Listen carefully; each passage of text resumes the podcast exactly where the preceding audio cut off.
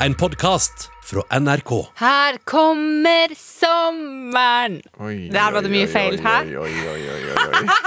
Sommeren er her! Det er fotball-EM, og det er 11. juni. Hurra for deg, Karl Andreas. Ja, det er min bursdag. Det er deilig at du har gleda deg så mye til den. da Oi, oi, oi, I dag skal vi feire bursdag. Vi skal feire at fotball-EM starter i dag. Og vi skal snakke med en av de artigste fyrene i norsk fotball. Moshaga Bakenga kommer til oss. Velkommen til sporten. Hvor vi skal opp på pollen, og vi skal inn i garderoben. Sporten med Karina og Carl Andreas.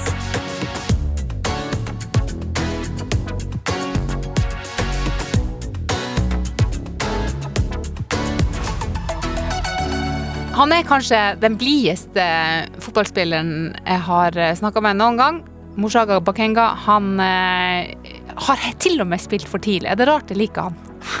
Jeg, det der, det, jeg, jeg tenkte altså en sånn, Gjetta meg sjøl hvor lang tid det kom til å komme før det tidligere kom. Det er jævlig kjapt. Det var kjappe en 100 meter. Ja, Liksom. altså, han, hadde ikke, han hadde ikke lange tida i Troms IL. Han var der i to år. Uh, Skårte noen mål. Uh, Skårte noen fine mål òg. men det er jo et eller annet med det når du har prestert for eh, mine favoritter oppe i nord. Så, så er man en favoritt fort hos meg også.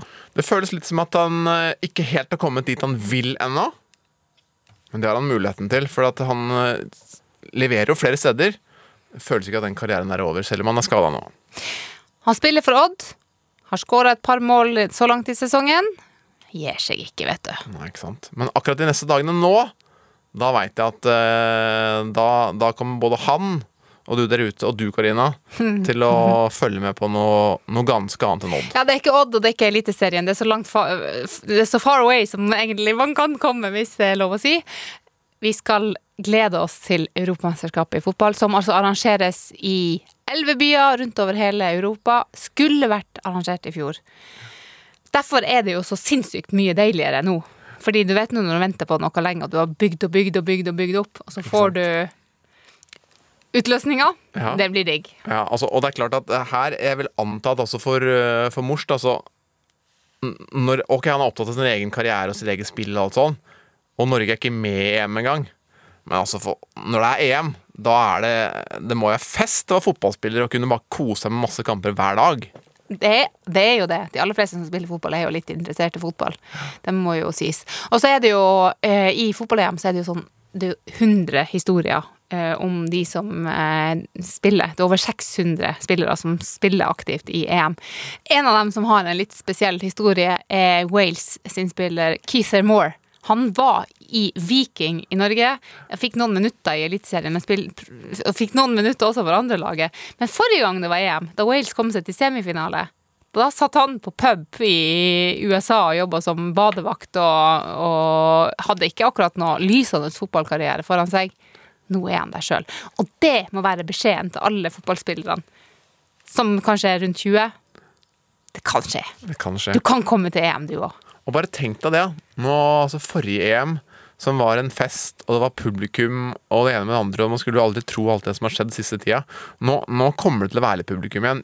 Kanskje ikke fullt, de håper det mot slutten av mesterskapet, men, men det blir mye publikum. Budapest Ja. kjører full peising. Ja, ikke sant? 67 000 på tribunen Ja. i Ungarn. Ja, det, Er ikke helt, det hjemmefordel, så vet ikke jeg, Ja. spesielt i disse tider. det vil helt klart bli, altså. Nei, det blir eh, det, er- kommer til å bli helt rått. Jeg kommer til å se masse, masse kamper. Men jeg merker også at det går mot sommeren nå. Husker du vi snakka med svømmeren Henrik Kristiansen i forrige podkast? Han, han har jo verdens minste landslagsdrakt, speedoen. Ja. Og hva fikk jeg reklame for i mine, mine sosiale medier etter det? Speedo. The original swimwear is back. Vet du hva? Og så var det en sånn dansk, selvfølgelig fancy speedo som kosta 595 kroner, da. Kjøpte ikke, altså. Kjøpte ikke. Men, eh, men eh, sånne algoritmer de er litt skremmende. For jeg Ja. er helt sikker på at telefonen hører hva vi snakker om. Ja, ja, Den gjør det. Ja, men, ja, ja, ikke sant? Ja, Man kan i hvert fall begynne å tvile. Og så var det én ting til også, la meg til denne uka her. Og det er at eh, Magnus Carlsen, han sjakkspilleren vår, spiller jo lynsjakk på noe som heter chess24.com, og du kan spille der spillere med ukjente amatører osv. osv. Og da la jeg merke til spillnavnet hans, for man må ha sånne spillnavn, ikke Ja. sant? Nick. Nick, som det rett og slett heter på, på internettspråket. Og referansen til navnet til Magnus Carlsen, den tar du der ute nå. Og den tar du også, Karina, siden du har hørt på Sporten. For navnet til Magnus Carlsen når han spilte lydsjakk, det var Magsie Bogues. Oh, den berømte hva- Bogues. Og hva er, hva er referansen da til Muggsy Bogues, som var Det var han som var så kort, sant? NBAs korteste basketspiller gjennom alle tider. Så hva må man få med seg, du? Og nå skal vi lære noe av mors. Det er ingen tvil. Vi har ikke vært i nærheten av å ha noen med så kult navn så langt i sportens historie. Og nå skal jeg prøve her å ta hele. For jeg har sett litt forskjellige ja. utgaver av navnet, faktisk. Ja, Så vi må spørre etterpå om Så det er riktig. Så jeg tar det som er lengst, og så skal vi sjekke først om det er riktig etterpå. Og da har jeg kommet fram til eh, Moshaga, Losa, Bakenga, Joar, Bahati, Namagunga. Velkommen skal du være til sporten. Og er det riktig? Hva er feil? Takk skal du ha, og det var Altså, hvis jeg skal gi en karakter som på ungdomsskolen, så hadde du fått en eh, firer der. Fire? Og Oi, fader, det altså, er jeg, det er litt, litt misfornøyd med det, egentlig. Firer, da, men Ja. Hva, hva er ditt fulle hele navn, mors? Mitt fulle hele navn er Lusa Bakenga Joar Bahati Namugunga. der har Ja, du, vet du. Og der er det fem. Det er fem pluss. Får den på egen presentasjon. Nei, du bomma på litt uttalelse, og så var det bokstavfeil på Namugunga her. Men eh, Ja, der ser altså, du. du har kommet lenger enn det mange av mine nærmeste venner har gjort. Så det er bare å fortsette. Men det som jeg lurer mest på, er at du kom jo altså i ganske ung alder da. Eller nei, du er jo født i Norge, og så var det litt i Kongo, det kan vi kanskje komme tilbake til, men så kom tilbake igjen til Norge. Men det du egentlig var, du har et fantastisk navn, men så er du jo egentlig Joar fra Halset. For det er et Joar inni der. Altså det trønderske Joar. Hva, hvor, var det en pla er det liksom norsk, eller kommer det fra noen familiegreier? Nei, det er definitivt norsk. Spør du meg, så det har jeg sagt før. Joar er det norskeste navnet man finner.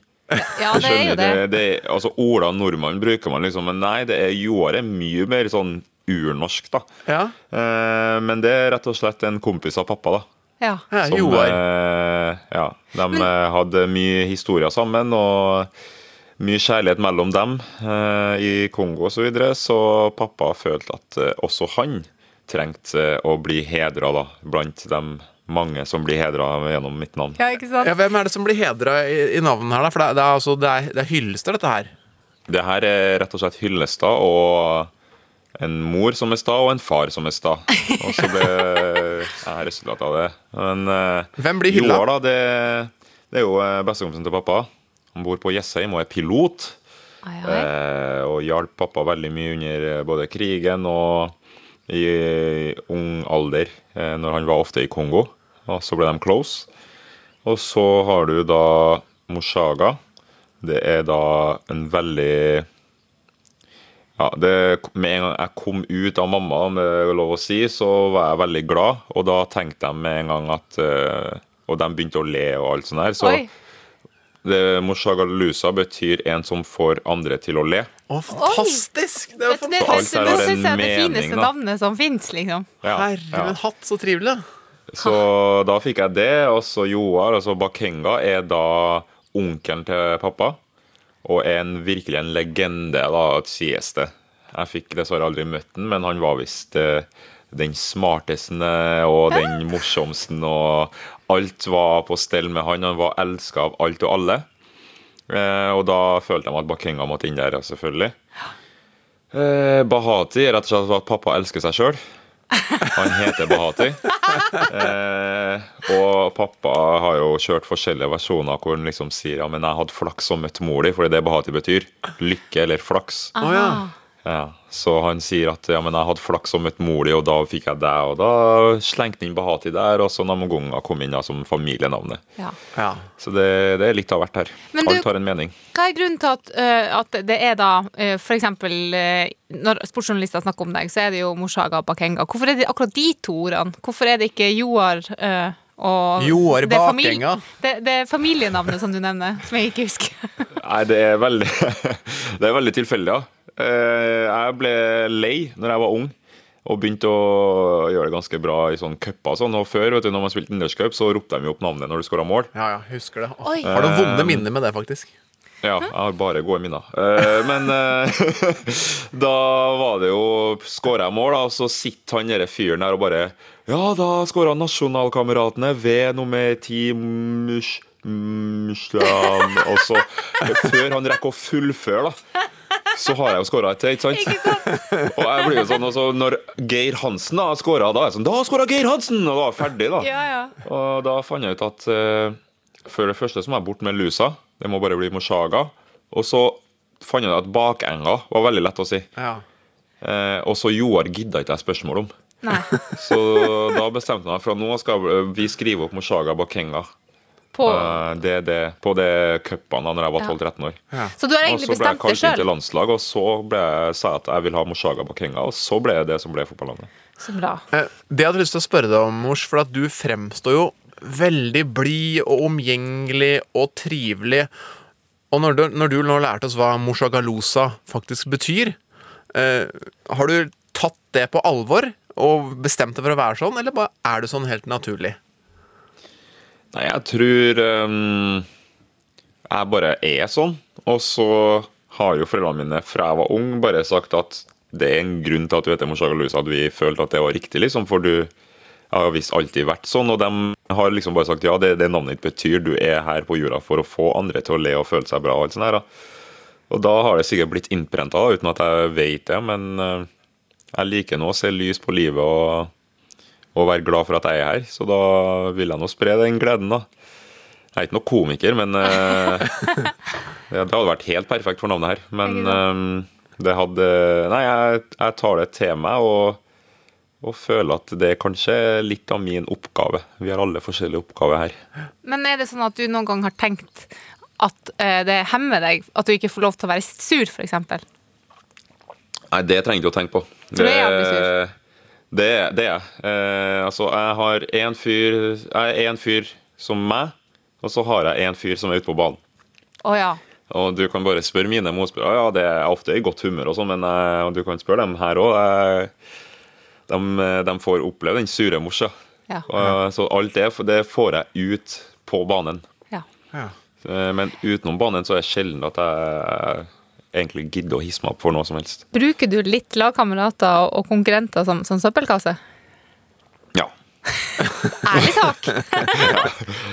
Har jeg sovet lite en natt og egentlig er blid, men er litt trøtt, så er en feilpasning der, så får du høre det, ja. Ja. Høres litt Så ut det- sånn som oss her. Vi kan jo også bruke hverandre som mental søppelbøtte. Ja, ja. Det blir sånn, Er altså. ikke det, det vi har hverandre for? Ikke sant? Det er vår oppgave, da, kan du si.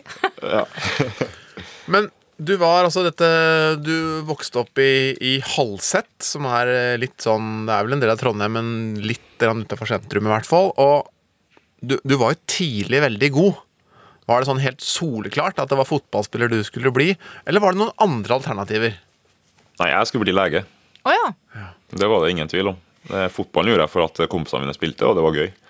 Eh, og Så skjønte jeg etter hvert at jeg var god, og så ble det jo helt kaos når jeg bestemte meg for at eh, etter at bestekompisen min slutta, så sa jeg at eh, jeg slutta, jeg òg. Og da ble det jo helt rabalder. Og da tenkte jeg OK, er det er, er jeg så god, liksom? Hadde jo ikke hørt om noe sonelag og kretslag. Og når jeg da skulle slutte, plutselig så ringer jo Nei, du skal på sonelag, og du må hit. Og så begynte klubber å ringe meg for at jeg skulle begynne der. og tenkte jeg, ok, greit, da får jeg gi et forsøk, da. Og så gikk det nå egentlig ganske fort, plutselig. Så eh, da la jeg legekarrieren litt på vent, og så har jeg egentlig vært på vent siden. Ja, Men du har fortsatt lyst til å bli lege, og tenker å bli det? Nei, eh, det, det toget har gått. Eh, Jeg har funnet andre interesser som eh, jeg har lyst til å holde på med, men jeg lar legeyrket være til andre familiemedlemmer. Hva mer enn fotball er det du har på karriereplanen din? Nei, først og fremst så skal jeg eh, fortsette å utnytte det at jeg kan hjelpe folk, da. Eh, jeg har oppnådd en eh, posisjon hvor jeg kan bidra til å endre liv og gjøre liv bedre. Så det, det er en av første pri. Og så er det det å kunne jobbe med noe hvor jeg får brukt personligheten min. da.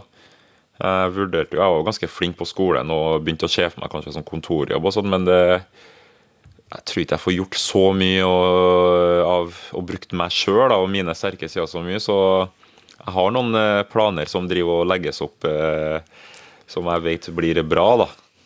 Skole er viktig for deg. Jeg har fått høre av noen av dine venner at, eh, at du, du var like gammel som de. Men allikevel så gikk du klassa over. Og så har jeg lurt på hva er det fordi den var så jæskla smart.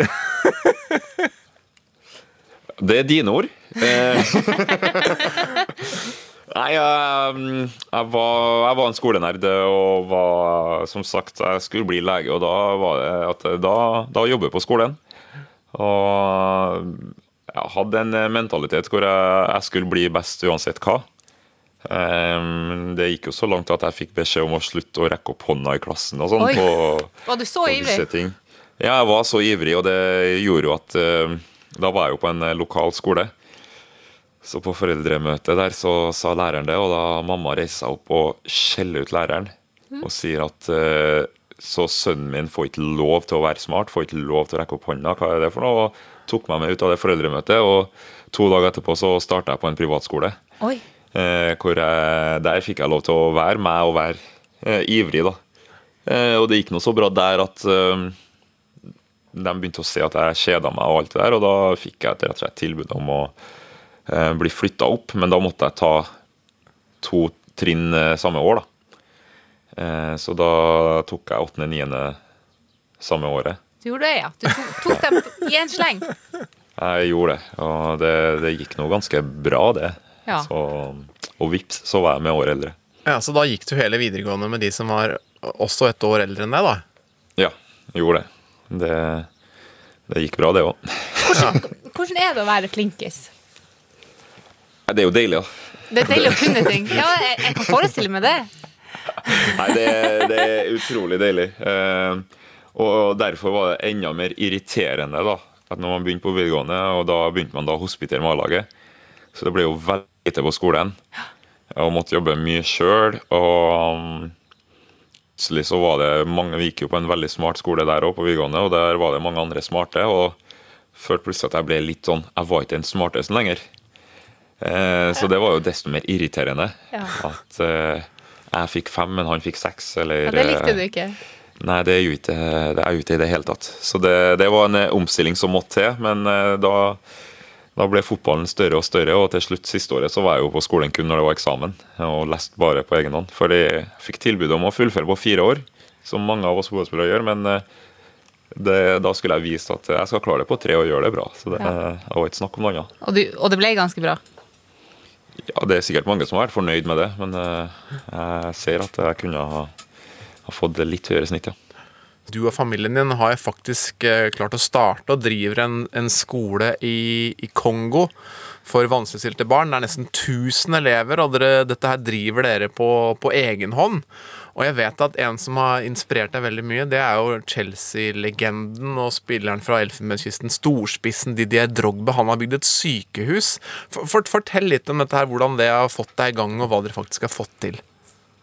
Nei, det er rett og slett eh, Altså, jeg føler meg veldig velsigna og heldig da, som får lov til å ha det livet jeg har.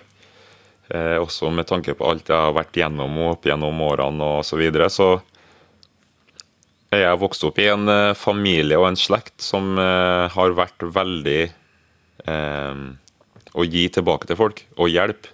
Det koster ingenting. Eh, en liten aksjon kan endre livet til veldig mange. Og den tankegangen har jeg egentlig hatt hele veien, og har alltid hatt lyst til å komme i en posisjon hvor jeg kan hjelpe andre. Og så selvfølgelig når man ser Drogba, den innflytelsen han eh, Hvordan han bruker innflytelsen sin, er jo forbilledlig. Og så har jeg mange i min familie som er de, definitivt de største forbildene. Eh, Så har egentlig bare alltid vært på jakt etter noe, og så prøvd meg litt på kanskje åpne en eh, fotballskole eller fotballakademi, for jeg har jo vært der og sett hvor mye talent det er. Eh, Så fant jeg ut at det beste er å hjelpe med å gi utdanning, for utdanning er noe vi tar for gitt her. Og jeg tror utdanning er noe som stopper drømmene og mulighetene til veldig mange eh, som er bare uheldig å bli født eh, veldig fattig eller å miste begge foreldrene pga. en unødvendig krig. Så da fant vi et område hvor bestefar har kirke, og, eller menighet, og tenkte at den landsbyen der er perfekt. Eh, og før jeg visste ordet av det, så var vi bare i gang. Og så var det visst eh, veldig mye større interesse for, eh, for å gå på skolen enn det vi trodde. Eh, For eh, først og fremst så tenkte jeg at ok, jeg kan bare bruke opp eh, pengene mine på det her, og trodde det skulle koste så mye, men det, det ble jo veldig mye mer, da, for det kom jo fire ganger så mange elever eh, som ville starte på den skolen. Eh, og så har jeg jo en visjon om at de skal ha eh, samme kvalitet i skolehverdagen som her i Norge. Eh, det er min ultimate drøm, da. Så da mm, måtte vi starte en organisasjon for å få eh, støtte av folk. Eh, vi, leverer på, vi lever av donasjoner, og det, det er mye hardere enn jeg trodde, men eh, det har funka greit så langt. Og veldig givende. Og nå har vi jo 18 elever som da har, eh, vi har fått videre siden vi starta, som da går college. Som aldri hadde gått college eh, hvis ikke det hadde vært for den skolen. Og, så bra. Og gjennom college og alt det der, så har vi også hjulpet familien deres. Så det, det, det gir jo in, utrolig inspirasjon til å fortsette. Det må jo være utrolig givende å, eh, å holde på på den måten. Og du har jo noen utrolige eh, forbilder i familien din det, mange har sikkert lest om det, men det er vel altså Dennis Mukwege da, som vant Nobel, Nobels fredspris her. Som eh, må være et av de store forbildene dine. Og ja, Litt av noe folk å leve opp til er kanskje ikke mulig, men å la seg inspirere av i hvert fall. Ja, ja. Og altså, onkelen min har vært det fra dag én. Eh, Han og bestefaren min er for meg de største menneskene jeg kjenner. Eh, visdommen og bare Altså Hvis du virkelig vil snakke om gode verdier og noen som, Det går an å ha gode verdier, men ikke leve etter dem, men de har gode verdier og lever dem fullt ut. Eh, og det, det er så forbilledlig at det finnes ikke ord. Så eh, det har definitivt inspirert meg og gjør det veldig mye lettere å bare eh, gjøre det samme, eller prøv å gjøre det samme. Eh, I hvert fall når jeg føler meg så, så heldig som jeg er, og, og er der jeg er. da. Det jeg husker best fra den, eh, den tida da han fikk den prisen, var jo da du fikk beskjeden. Kan du gjenfortelle hvordan, eh, hvordan det var for deg å, å få vite at onkelen din hadde vunnet kanskje verdens mest prestisjetunge pris? Nei, det var jo Altså, jeg, vi, vi hadde begynt å gi litt opp. Fordi det var flere år hvor altså, TV 2 og NRK hadde ringt rett før utdelelsen. Jeg var jo nominert til flere år på rad her. Eh, og liksom, vi trodde at nå får han den. Eh, og så skjedde det ikke. Så vinner jo Obama plutselig.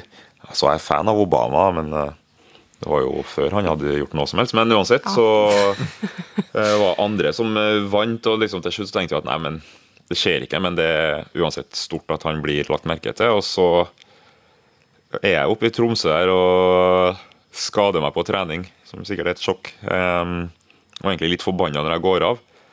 Så bare følger kameraene etter meg, og jeg blir jo litt sånn irritert. Så har jeg jo egentlig, rett før han sier at onkel har vunnet Nobels fredspris, så har jeg lyst til å be ham om å dra et viss, en viss plass. da. Oi. For jeg var veldig irritert og ville ikke bli filma. Liksom. Jeg skjønte ikke hvorfor folk skulle følge meg inn. Og så får jeg nyheten, og da var det, nei, det var helt vilt. Jeg, Det gikk fra det ene til det andre, da. det, det gjorde det, og plutselig så var ikke ankelen så vond lenger. Eh, så det Nei, det det er definitivt eh, den nest største dagen i mitt liv. For den største var når jeg satt i salen og, og så at han fikk den. Ja. Nå skal man jo Så ikke, nå skal man jo ikke sammenligne prestasjoner på det feltet der. Men eh, bare det du gjør, er jo også helt fantastisk. At du tenker sånn og har satt i gang og er i gang. Selv om det er i mindre skala enn det onkelen din selvfølgelig har gjort foreløpig, så er det jo Det er jo stort allerede. Jo, det, det, det er i hvert fall eh, en start. Eh, og så mine planer er at det skal bli ekstremt eh, mye større. Eh, og forhåpentligvis eh, få mye gode avtaler som gjør at det, man kan virkelig endre også, Og hjelpe til litt å endre Kongo litt, eh, er det som er nok for meg. Så det blir å jobbe på videre. Hvor mange ganger har du tenkt at vet du hva, nå legger jeg opp? Én gang, faktisk. Når var Det det? kun én gang. Det var når jeg røyk akillesen her på Skagak Arena. Eh, Da røyk jeg akilles, andre akillesen. Altså det var andre akillesrykkelsen min, og da da kjente jeg at eh, nå Nå gidder ikke jeg mer, for da var jeg allerede veldig ulykkelig, da. Mm. Eh, Jeg vet ikke om man skal kalle det deprimert, men det var i hvert fall nær det. Jeg syntes ikke det var noe artig å spille fotball eh, det året der i Tromsø, og det var, det var kjipt, og jeg bare kjente at eh, nå begynner det å bli nok, og begynte egentlig å tenke på andre alternativer, og begynne å se om hvor kan jeg jobbe, og, og så videre. Eh, for det var nok, liksom. Og så fikk jeg den eh, der på tampen når ting begynte å gå bra, og det var en kamp hvor det kom en klubb og faktisk skulle se på meg, og Oi. fikk jeg den rykelsen, ja, akillesen røyk der, tenkte jeg, men da, da gidder ikke jeg. Men hvorfor snudde du det, da? Nei, det var min eh, fantastiske mor, det da, først, og så var det min onkel etter det. Eh, først mamma som da eh, ringte meg mens jeg lå gråtende inn på bortegarderoben her og eh, sutra og klaga at nå gir jeg opp, nå er det slutt. Og mamma svarer meg at eh, mors, eh, det her gidder ikke jeg å høre på. Så nå legger jeg på. Og så ringer jeg tilbake om fem minutter, og da vil jeg snakke med sønnen min. Oi. Altså, for en rå mor! Ja, og da Det var sånn OK, det her er ikke meg. Hva jeg, hva jeg holder på med, liksom? Og så ringte jeg tilbake og bare Ja, er, er sønnen min jeg snakker med? Da har jeg fått samla meg. Bare ja. Ja, skal du tilbake? Skal vi bare gi opp sånn her nå, eller vil du gi opp mens du føler at du i hvert fall har prøvd? Ja. Ja, da sa jeg jo da jeg skal tilbake. liksom. Ja, for det her er ikke verdens nødgang. Det er folk som har det verre, og du vet det. ja. Jeg bare Ja, du har rett, liksom. Og da snudde jeg egentlig mentalt eh, sånn, eh, men jeg var fortsatt litt sånn nja. Og så dro vi på fredsprisutdelinga og snakka med onkelen min, og han bare Det siste jeg skal høre fra deg, er at du legger opp nå. Ja. For han hadde sett meg spille når jeg var i Belgia og kom og besøkte, og da hver gang han så meg, så skåra jeg. Og han bare Du skal ikke legge opp før du spiller og scorer sånn som du gjorde når jeg så i Belgia. Og dere akillesen her er ingenting sammenligna med de eh, kvinnene borti der. Og så peker han på noen kvinner han har tatt med seg fra si sånn, ok. Da tok jeg bare hendene opp. Du er sjakkmatt. Okay, greit. Ja, da kjører jeg på, og da, det angrer jeg på i dag, for å si det sånn. Nå skal vi bare si det, da, for det er jo ikke sikkert alle Vi kan jo ha en del yngre lyttere òg. Han fikk jo da fredsprisen for å ha hjulpet utallige mange, mange, mange tusen kvinner som har vært, eh, blitt lemlesta og skada under kriger og forferdelige handlinger fra andre menn. Så, så ja, da Det er utrolig hvor, eh, hvor riktig ord kan sette ting i perspektiv og få ting til å snu. Det er helt korrekt. Men eh, nå er du altså egentlig skada. Jeg vet ikke om det er mamma som har ringt eller hva som har skjedd, men eh, det går bedre enn eh, du trodde. Ja, det gjør det. Og det her eh, er jo fra en troende familie, så Altså, legene skjønner ingenting, fysioene skjønner ingenting. Eh, så da velger jeg og mamma å tro på at eh, hun har jo bedt for meg to-tre timer om dagen og sagt at eh, det her skal ikke være det som ødelegger når du først er i gang nå, så eh, slapp av. Jeg, jeg tar og fikser det her. Ja, så hun da, og så tar jeg bildene, og bildene viser en stygg, stygg skade, egentlig. Eh, hvor det var flere måneder på sidelinja, og så Uten at noen skjønner noe som helst, så ser det ut som at det er et par uker, så er jeg egentlig frisk, da. Så det, det, ja, det Vi klarer ikke å finne noen forklaring bak det, så da velger jeg å tro på det. altså. Ja, hva, hva, hva, hva tror du på da? At du er frisk, eller at det er noen som har hjulpet litt til?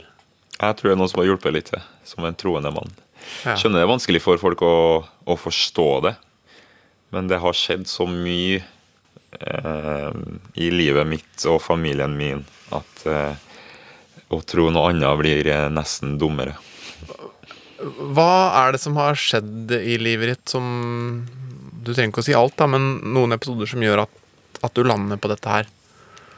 Nei, det er noe i krigen, da. Det er hvor mye som skjedde. Eh, hvor mange ganger vi var jakta på egentlig skulle ha dødd.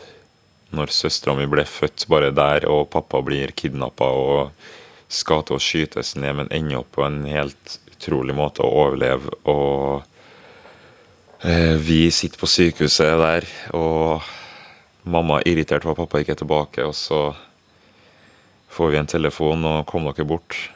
Kommer oss akkurat bort fra sykehuset, og så er det bort. Lagt eh, på level med jorda. Um, altså, vi tok fly eh, mens vi flykta der. Uh, flyet stopper midt i lufta og er på vei ned. Eh, sikker på at nå er vi ferdig, og så på en eller annen måte så bare skrur flyet seg på igjen og klarer akkurat å komme seg opp, og vi får landa. Eh, fly, altså flyturen etterpå, når den skal tilbake, så bare rett ned. Styr, styrte flyet på, på returen? Ja. Å, fytti Jeg blir Ja, det, det er så mye det er, Altså, det er så mye Jeg kunne ha snakka om mange eksempler som gjør at det, det går ikke an å ha så flaks, om man kan si det. da. Um, I hvert fall når det vi kommer fra en troende familie, og det, det går mye i bønn for at visse ting skal skje. Det er ikke tilfeldig, det- liksom. Nei, jeg tror ikke det. Jeg skjønner at øh, Jeg har full forståelse for at det eh, Folk mener at det er veldig mange tilfeldigheter, men eh, jeg velger å ikke gjøre det. da. Og, og nå, du har jo fortalt noe om dette før, men altså, du er jo født i Norge. Og så er vel dette her skjer vel bare på en ferie hvor det drar tilbake til Kongo når du er tre år, eller noe sånt, og så skal dere egentlig bare være der en liten stund. Og så bryter det ut krig i Kongo, og dere kommer dere ikke hjem, og dere blir rett og slett forfulgt, og så skjer disse tingene du forteller om nå. Ja. Og så klarer vi heldigvis å komme oss ut på en eller annen måte, eh, alle sammen, i live, og alle har det greit nå, liksom. Så um, vi mista jo pappa i åtte måneder under den krigen der òg. altså, det, det er så mye som uh, skjedde, og som er så rart, at uh, derfor er jeg glad 99% av tida og er veldig fornøyd med livet fordi jeg føler meg så sinnssykt heldig. Jeg ser den. Ja. Absolutt. Selv om det går en akilles og, og noen, du får noen krasse greier på fotballbanen innimellom, så når alt kommer til alt, så er det nå greit. Ja, det er det, liksom. Så det, folk sier jo at du har vært veldig uheldig, og du, du har så uflaks, og det kunne vært ditt og det kunne vært ditt og datt, men jeg er nå her, da. Det, altså, jeg føler meg ganske heldig likevel. Jeg Føler jeg lever ganske bra og har et godt liv og tak over hodet og alt mulig, så det at det er noe ryker her og der mens jeg spiller, det, det klarer jeg, altså. Jeg har egentlig litt lyst til å gå over på, eh, på det som skal skje i kveld, eh, og det som skal skje denne sommeren. Hvem har du trua på i sommerens uh, EM? Uh, Det er mine franske brødre. Ja, ikke sant? Ja. Går det an for dem å ikke vinne? Spør jeg. Det gjør det. Så, det gikk an når jeg spilte for Rosenborg i semifinalen og tap mot uh, Follo. Ja, det er sant. Eh, og våkne opp til adresseavisa var helt svart med rosa skrift, bare for å gni det inn. Familien hadde booka billetter til Oslo og finalen, og alt var klart. For Ja, vi fikk jo Follo, og vi skulle jo vinne. Ja, så det, det er mye som går an i fotballen. Ja. Eh, men eh, jeg syns det blir veldig rart om ikke Frankrike gjør et eh, godt mesterskap og egentlig tar med seg seieren. Men det er fantastisk mye bra lag, altså. Ja. Er det sånn at dere sitter og ser på EM? Er det sånn, Siden du, du er på, fot, mye av hverdagen din går i fotball, tar dere eh, litt EM på kvelden nå, da? Eller? Ja, det blir nok ikke alle kampene. Eh, Men eh, jeg ser veldig mye, for det er noe med stemninga. Men i år ble det litt rart, da. Det er jo ikke publikum. Ja, ikke sant. Ja, det blir litt Det publikum, altså. Ja. Men det blir liksom ikke Altså Alle dem som klager på dette Vuzuela, eller hva det heter under, eh, ja, den var jo helt vill. Ja.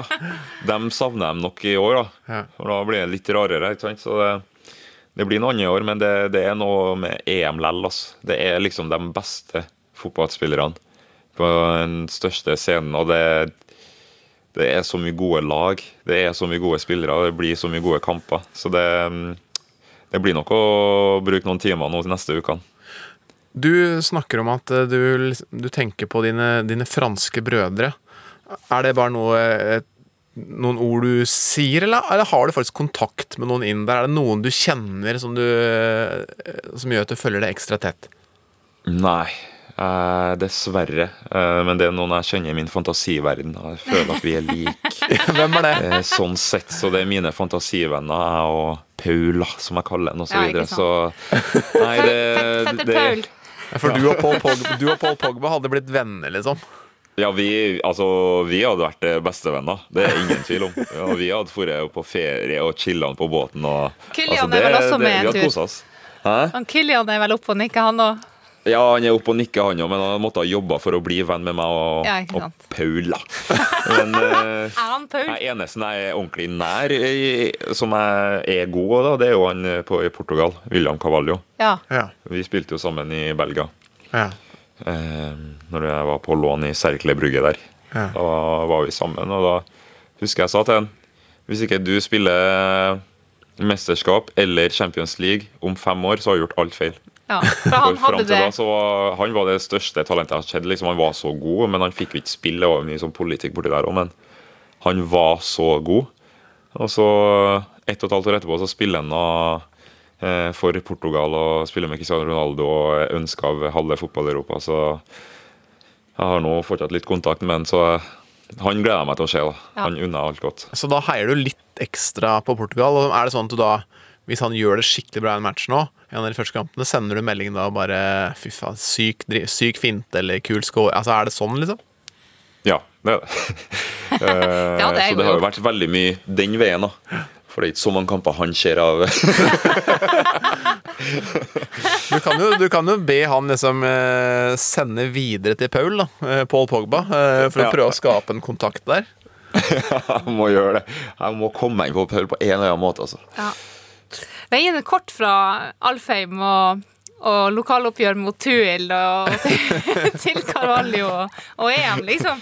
Ja, det, det er det. Veldig kort vei.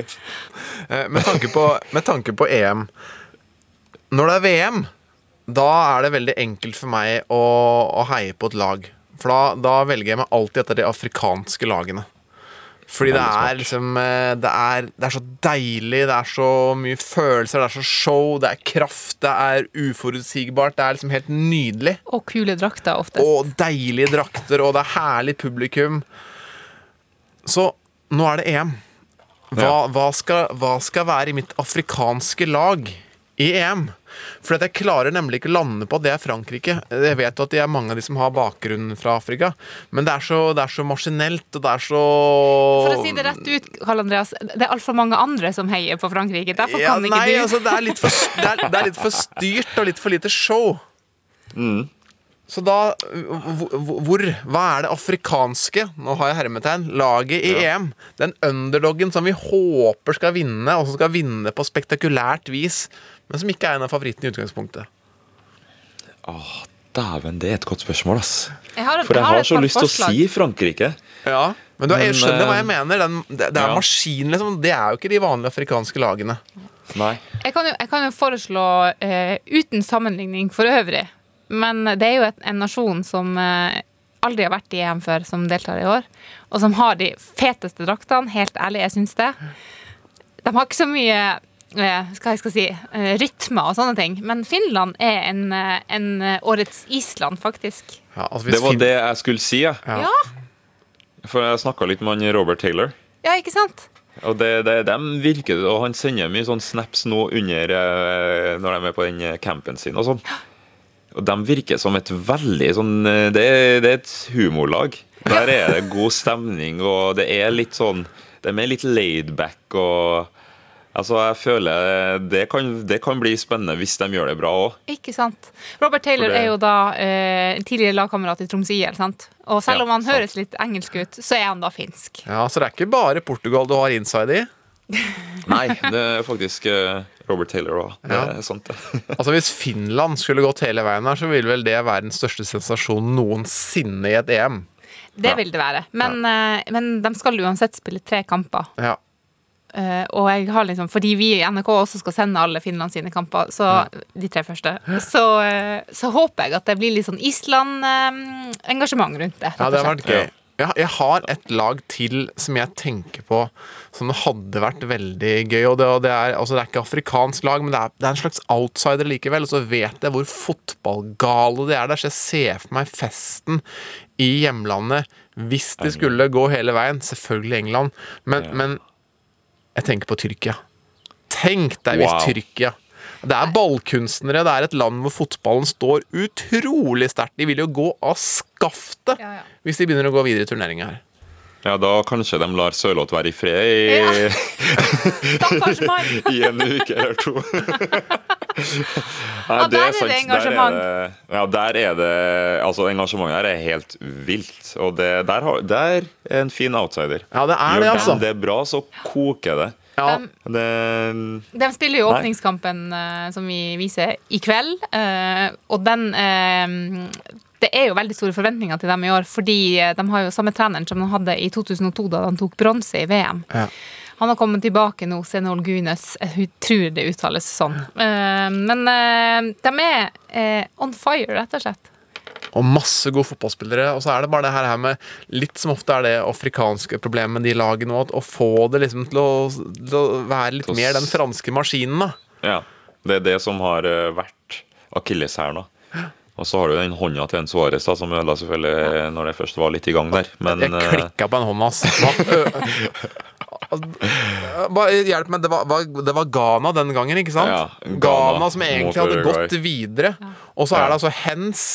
På mållinja. Altså vilje-hens. ja. Og Nei, da jeg har ikke tilliten, jeg. Nei, ikke det sitter i. Ikke jeg i For jeg, jeg satt og grein med pappa. ja. Vi satt og grein når de røyk ut i straffefotballkonkurransen etterpå. her, og bare...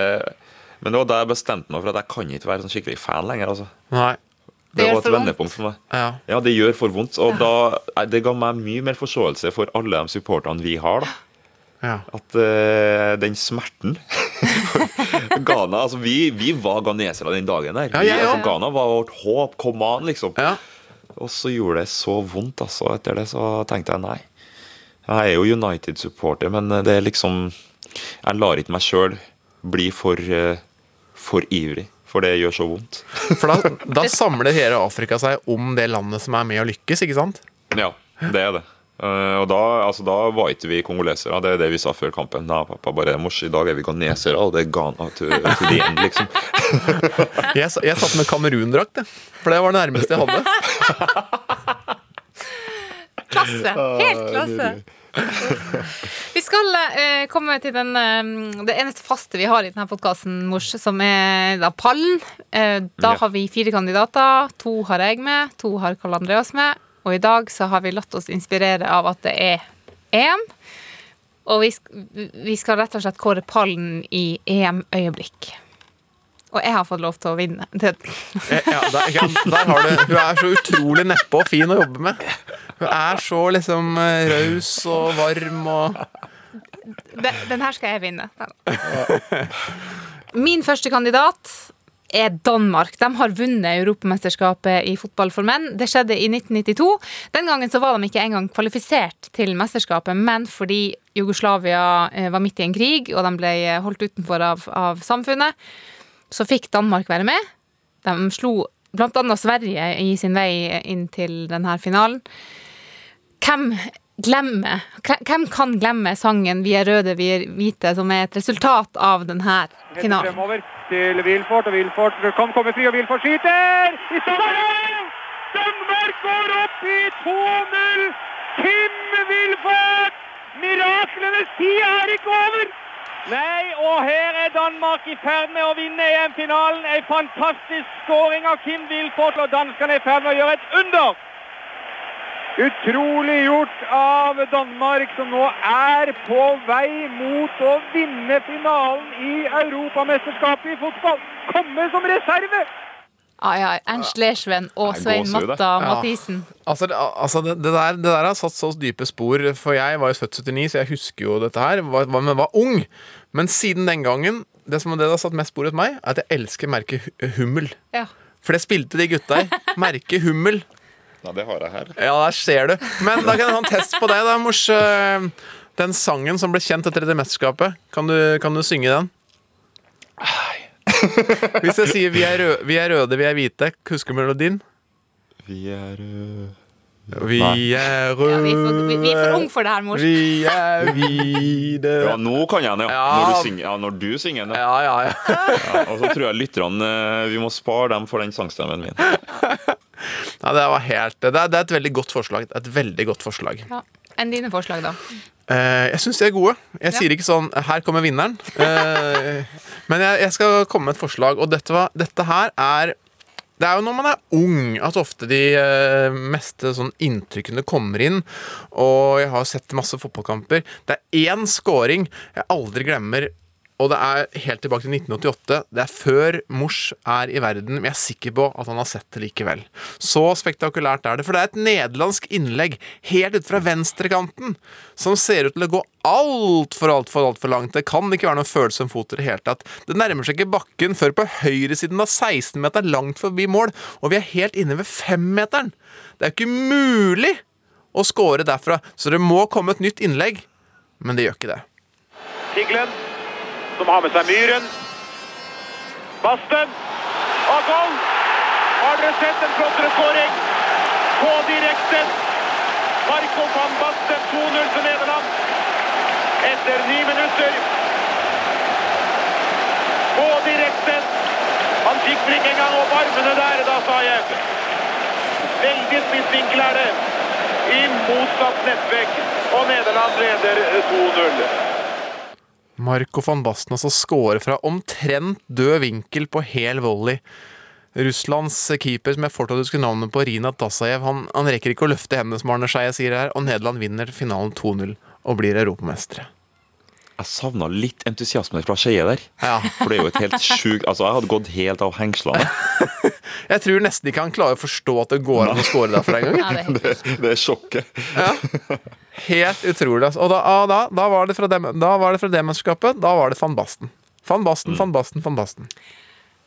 Jeg husker Rod Gullit fra den mesterskapet der. Ja, Eh, ikke fordi at han scora noe, men fordi at han var bare helt konge. helt fantastisk. Og det håret håret. Ja, antagelig. Kjæ, kjæ, Kjære mors, kan du gjøre meg en tjeneste? Det jeg savner mest i fotball, både internasjonal og norsk fotball eh, eh, nå, det er mer hår. Mer hår, lenger så- Jeg har ikke hår, det er kanskje derfor jeg gjør det. Ja. Mer hår, lengre hår, mer bustete hår. Det var mye lettere å skille fotballspillerne før, og det var lettere å b- bygge legender. Altså Caniggia, liksom det håret han hadde, Hernan Crespo, Battistuta e- Hele Italias landslag, Uruguay, alle. Kan, kan du gi meg det tilbake? Du, spar. Spar ditt. Jeg skal faktisk eh, ta deg på ordet og begynne å gjøre noe mer spennende, for nå er alle har eh, Jeg liker jo å kalle ting eh, med mitt eget navn, så alle har jo Mors-frisyr nå, så det, det begynner å bli kjedelig. Så nå skal jeg gjøre noe Phil Fodensk eh, framover for, å- for å skille meg litt ut. Ja da, det er så deilig. Og, Ikke ven- helt og Phil vennen din vær så snill, da. Hæ? Nei, det, mamma har eh, selvfølgelig et ord med i laget her, Ja. men, men noe i nærheten. Jeg, må, jeg, jeg, jeg er helt enig med deg. Det er for mye likt. Jeg må jo si det at, at det er jo noen som gjør forsøk, for eksempel um, Shakiri, som spiller for Liverpool og Sveits. Eh, hvis du har sett han i mesterskap tidligere, så så, så du han med ganske høye vik og litt tynt hår. Ser han den her, eh, den her, det her mesterskapet, så, skal, så blir du litt overraska. Ja, men Det er bra, for det er lettere å kjenne igjen. Og fantasivennen din, Paul Pogba, han har jo ikke samme sveis som de ved siden av. Nei. Han har jo ikke samme sveis Han har jo sju sveiser i uka, han. Nettopp! Og det er sånn det må være. De, de må slutte. Det burde, det burde vært satt ned en regel at det er forbudt å klippe fotballspillere okay. kort ved øra, og sånn kort og litt gelé på toppen. Forbudt! Men det her Alle må ha forskjellig sveis. Det her handler ikke om hår, vi må videre til min om hår. kandidat. Dette er resten av episoden skal handle om hår. Min andre kandidat ehm, er litt viktig for meg. For det, er jo ikke, det er jo fremdeles sånn i fotballen at kvinner og menn ikke er helt likestilt. Vi kommer oss nærmere menn, men vi er ikke det enda. I 1984 så ble EM for kvinner arrangert for første gang. Det har vært arrangert tolv ganger siden, for i begynnelsen så var det annethvert år. Eh, nei, hvert andre år. Tyskland de ble mestra i 89, de ble mestra i 91. I 95, i 97, 01, 05, 09 og i 2013 så var det Norge som sto på motsatt banehalvdel. Ikke bare én gang, men to ganger fikk Norge straffe og mulighet til å stoppe seiersrekka til Tyskland. Men sånn gikk det ikke. Og der er det over. Tyskland er europamestere etter å ha slått Norge 1-0. Og det i en kamp der vi brenner to straffespark, skulle hatt et tredje og har en skåring korrekt annullert for offside, men vi var bare en halv meter unna der også. så stolt av jentene. Jeg syns de gjorde en eh, utrolig god fotballkamp. Det er Tyskland de møter. De vinner sitt sjette europamesterskap. Dette er dronningen i internasjonal fotball. Jeg syns Norge ga dem virkelig kamp om det. Anja Midtdag skåra etter 49 minutter. Jeg var på Friends Arena denne dagen. Og det, det er et under at eh, ikke Norge vant. Eh, Nadine Angrer ble kampens store spiller. Eh, men det er altså sånn eh, i kvinne-EM, da, at det er Tyskland som har, som har vunnet nesten alt. Norge har vunnet én gang i 93. England vant i 84 da første gangen. Og så vant faktisk Nederland sist det ble arrangert i 2017. Da kom ikke Tyskland til finalen engang. Men den tyske prestasjonen for, da, på damesida i EM, den må nevnes i denne sammenheng. Ja, ja, herja. Det er litt sånn som både Tyskland og Rosenborg, at det spilles 90 minutter, og så vinner Tyskland til slutt. Hvem var den fra? Eh, Da er det mitt eh, andre forslag, da. Og det er sånn at det er noen øyeblikk som preger fotballen for alltid.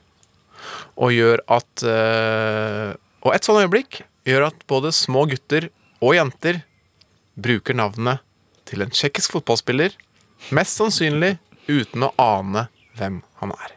Bakenga. Bakenga.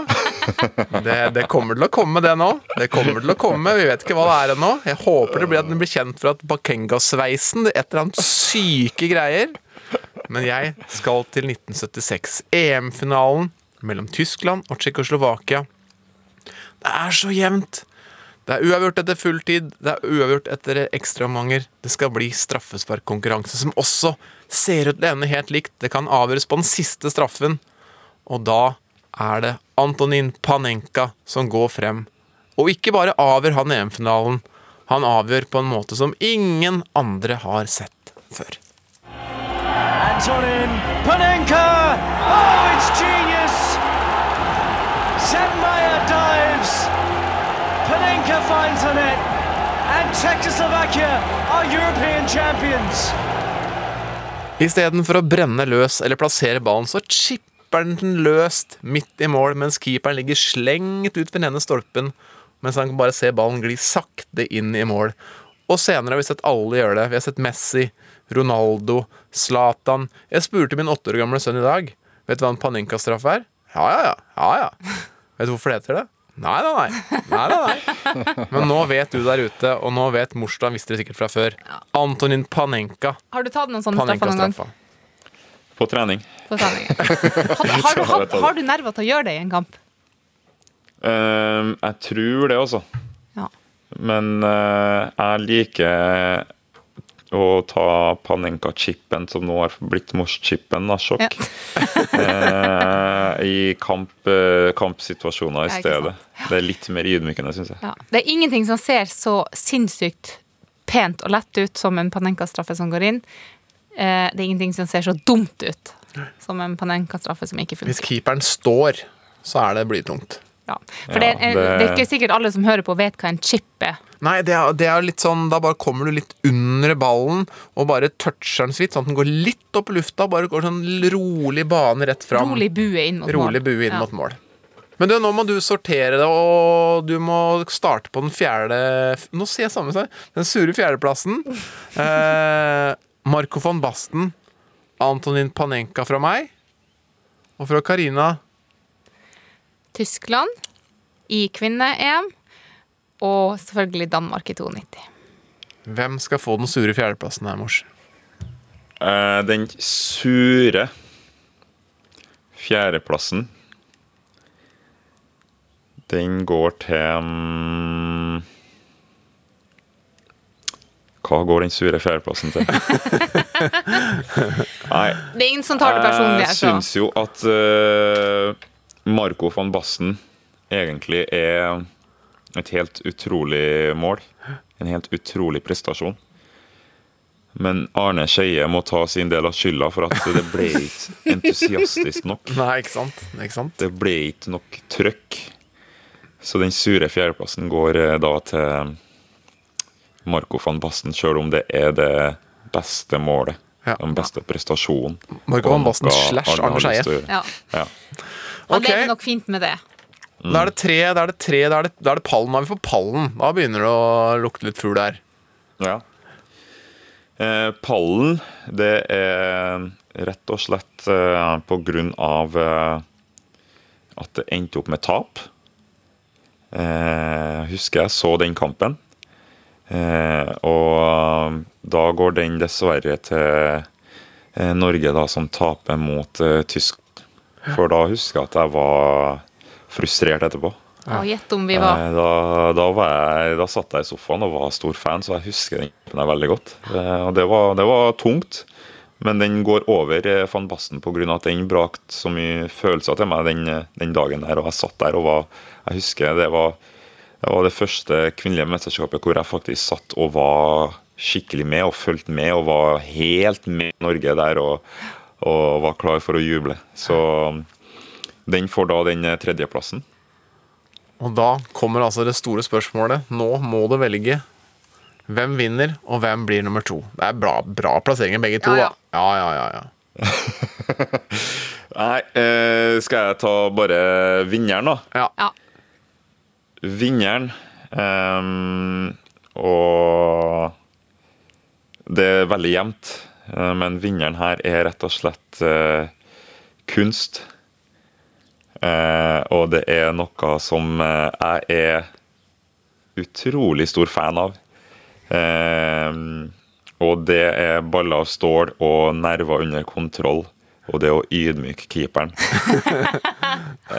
Så Panenka tar førsteplassen, Ja. men Danmark er veldig Altså, det er jo en helt nydelig historie. Jeg elsker sånne. Ja. Uh, Så Danmark tar andreplassen, og så er 1992 er jo et flott år som har gitt verden veldig mye bra personer. Ja, så Det skjedde så mye bra for menneskeheten. det skjedde så mye bra. eh, Så det, Danmark var selvfølgelig et bra ting som skjedde i 92, men det var mye bedre ting som skjedde 8.8.1992. Det trengte vi å gå inn på. Men eh, Panenka tar eh, rett og slett pga. at jeg er eh, chip-fan nummer én. ja. Bra. Og så er det noe med det at Panenka han turte faktisk å gå sin egen vei. Ja. Og det syns jeg litt at både du og din familie klarer på mange måter òg. Ja, det er bra sammenligning. Det, det er veldig bra trekk der. Så Nei, og så jo, Han gjorde det så tidlig, da. Det hadde ikke vært like kult om han gjorde det i EM-en her. Nei, jeg syns det er så kult at han var først ut og, og tenkte sånn som han gjorde. Geni. Eh, takk for at du var med, og så skal jeg spørre deg om én ting, bare. Hvis jeg får eh, skikkelig trøbbel en gang, og det butter litt imot, er det greit at jeg ringer mora di da? Og får noe råd? Definitivt. Definitivt. Det, det er bare å ringe, og mamma er alltid klar til å hjelpe uansett. Så det, ring, så blir eh, problemet fiksa. Ja. Det er supert. Det er, en sånn mamma skulle alle hatt. Det høres ut som, det høres ut som, som sånn som mødre skal være. Ja. Får ikke bli mamma hvis du ikke kan fikse alt. Nei. Lykke til i Odd, og lykke til med EM. Det kommer til å bli en fotballfest. Det blir det. Og tusen takk for at jeg fikk eh, være gjest. Det var veldig artig. Joar Bakenga. For en uh, tid fra Halset. Jeg skjønner at det ble mors, altså. Ja, veldig, Morsaga veldig bra Bakenga. fyr. Altså, jeg, Inspirerer både på og utenfor banen. jeg må jo si at, at eh, Morsaga Losa er jo det fineste navnet jeg har hørt om noensinne. Altså, hva, hva skjer liksom med Karina Karl Andreas? Betyr jo ikke en puck. Det betyr jo Ingenting. det. Hadde det ennå vært sånn Karina, det er sånn gladtryne på samisk, og, men det er jo ikke det. Vi har jo hatt eh, Morsaga som gjest, eh, og derfor vet vi det her om han. Eh, Vi har hatt veldig mange andre gjester her i sporten. Og på eh, appen til NRK så kan du finne alle de 28 episodene vi har lagd før. Idrettsutøvere som gir av seg sjøl. Altså, gå inn der. Det er, det er altså episoder med utøvere som kanskje du ikke har hørt om. Ikke, vi kjente ikke alle så godt, vi heller. Men etter å ha pratet med dem Alle har disse rare, merkelige, artige tingene som gjør at man blir litt bedre kjent med dem. Og det er så mye morsommere å følge med på det etterpå da. Jeg har faktisk lært litt av det her, fordi at uh, nå når jeg har forberedt meg til fotball-EM som starter i dag, har jeg sagt det før i dag? Du har nevnt det. Du har nevnt det. så har jeg jo prøvd å finne sånne små historier om utøverne. For det er jo veldig lett å, å finne ut hvor mange mål de har spilt, nei, hvor mange mål de har skåret og hvor mange kamper de har spilt. Men uh, å finne ut f.eks. at eh, det er en dansk spiller som er i Barcelona, lagkameraten til Messi, som har sittet i rullestol da han var liten. Det visste du ikke. Men det skal vi servere under sommerens EM. Og, og sånne ting gir jo litt mer verdi, da, ikke sant? og derfor er det gøy å høre på. Jeg kommer til å se masse på EM, og snart er det, snart er det ferie, så uh, uh, Du må huske solkrem. Vi må huske solkrem. Eh, produsenten vår Geir Elle må huske solkrem. Ja, Og Ida Larald Brenna, som er teknisk ansvarlig her, må i hvert fall huske solkrem. Ja, jeg holdt på å si i hvert fall, ja, men det blir vel feil, egentlig. Men, men det, sesongen vår den er rett og slett eh, over akkurat nå. Ja. Og da er det bare å si ha det! Vi sier bare det. Ha det bra. Du har hørt en podkast fra NRK. Hør flere podkaster og din favorittkanal i appen NRK Radio.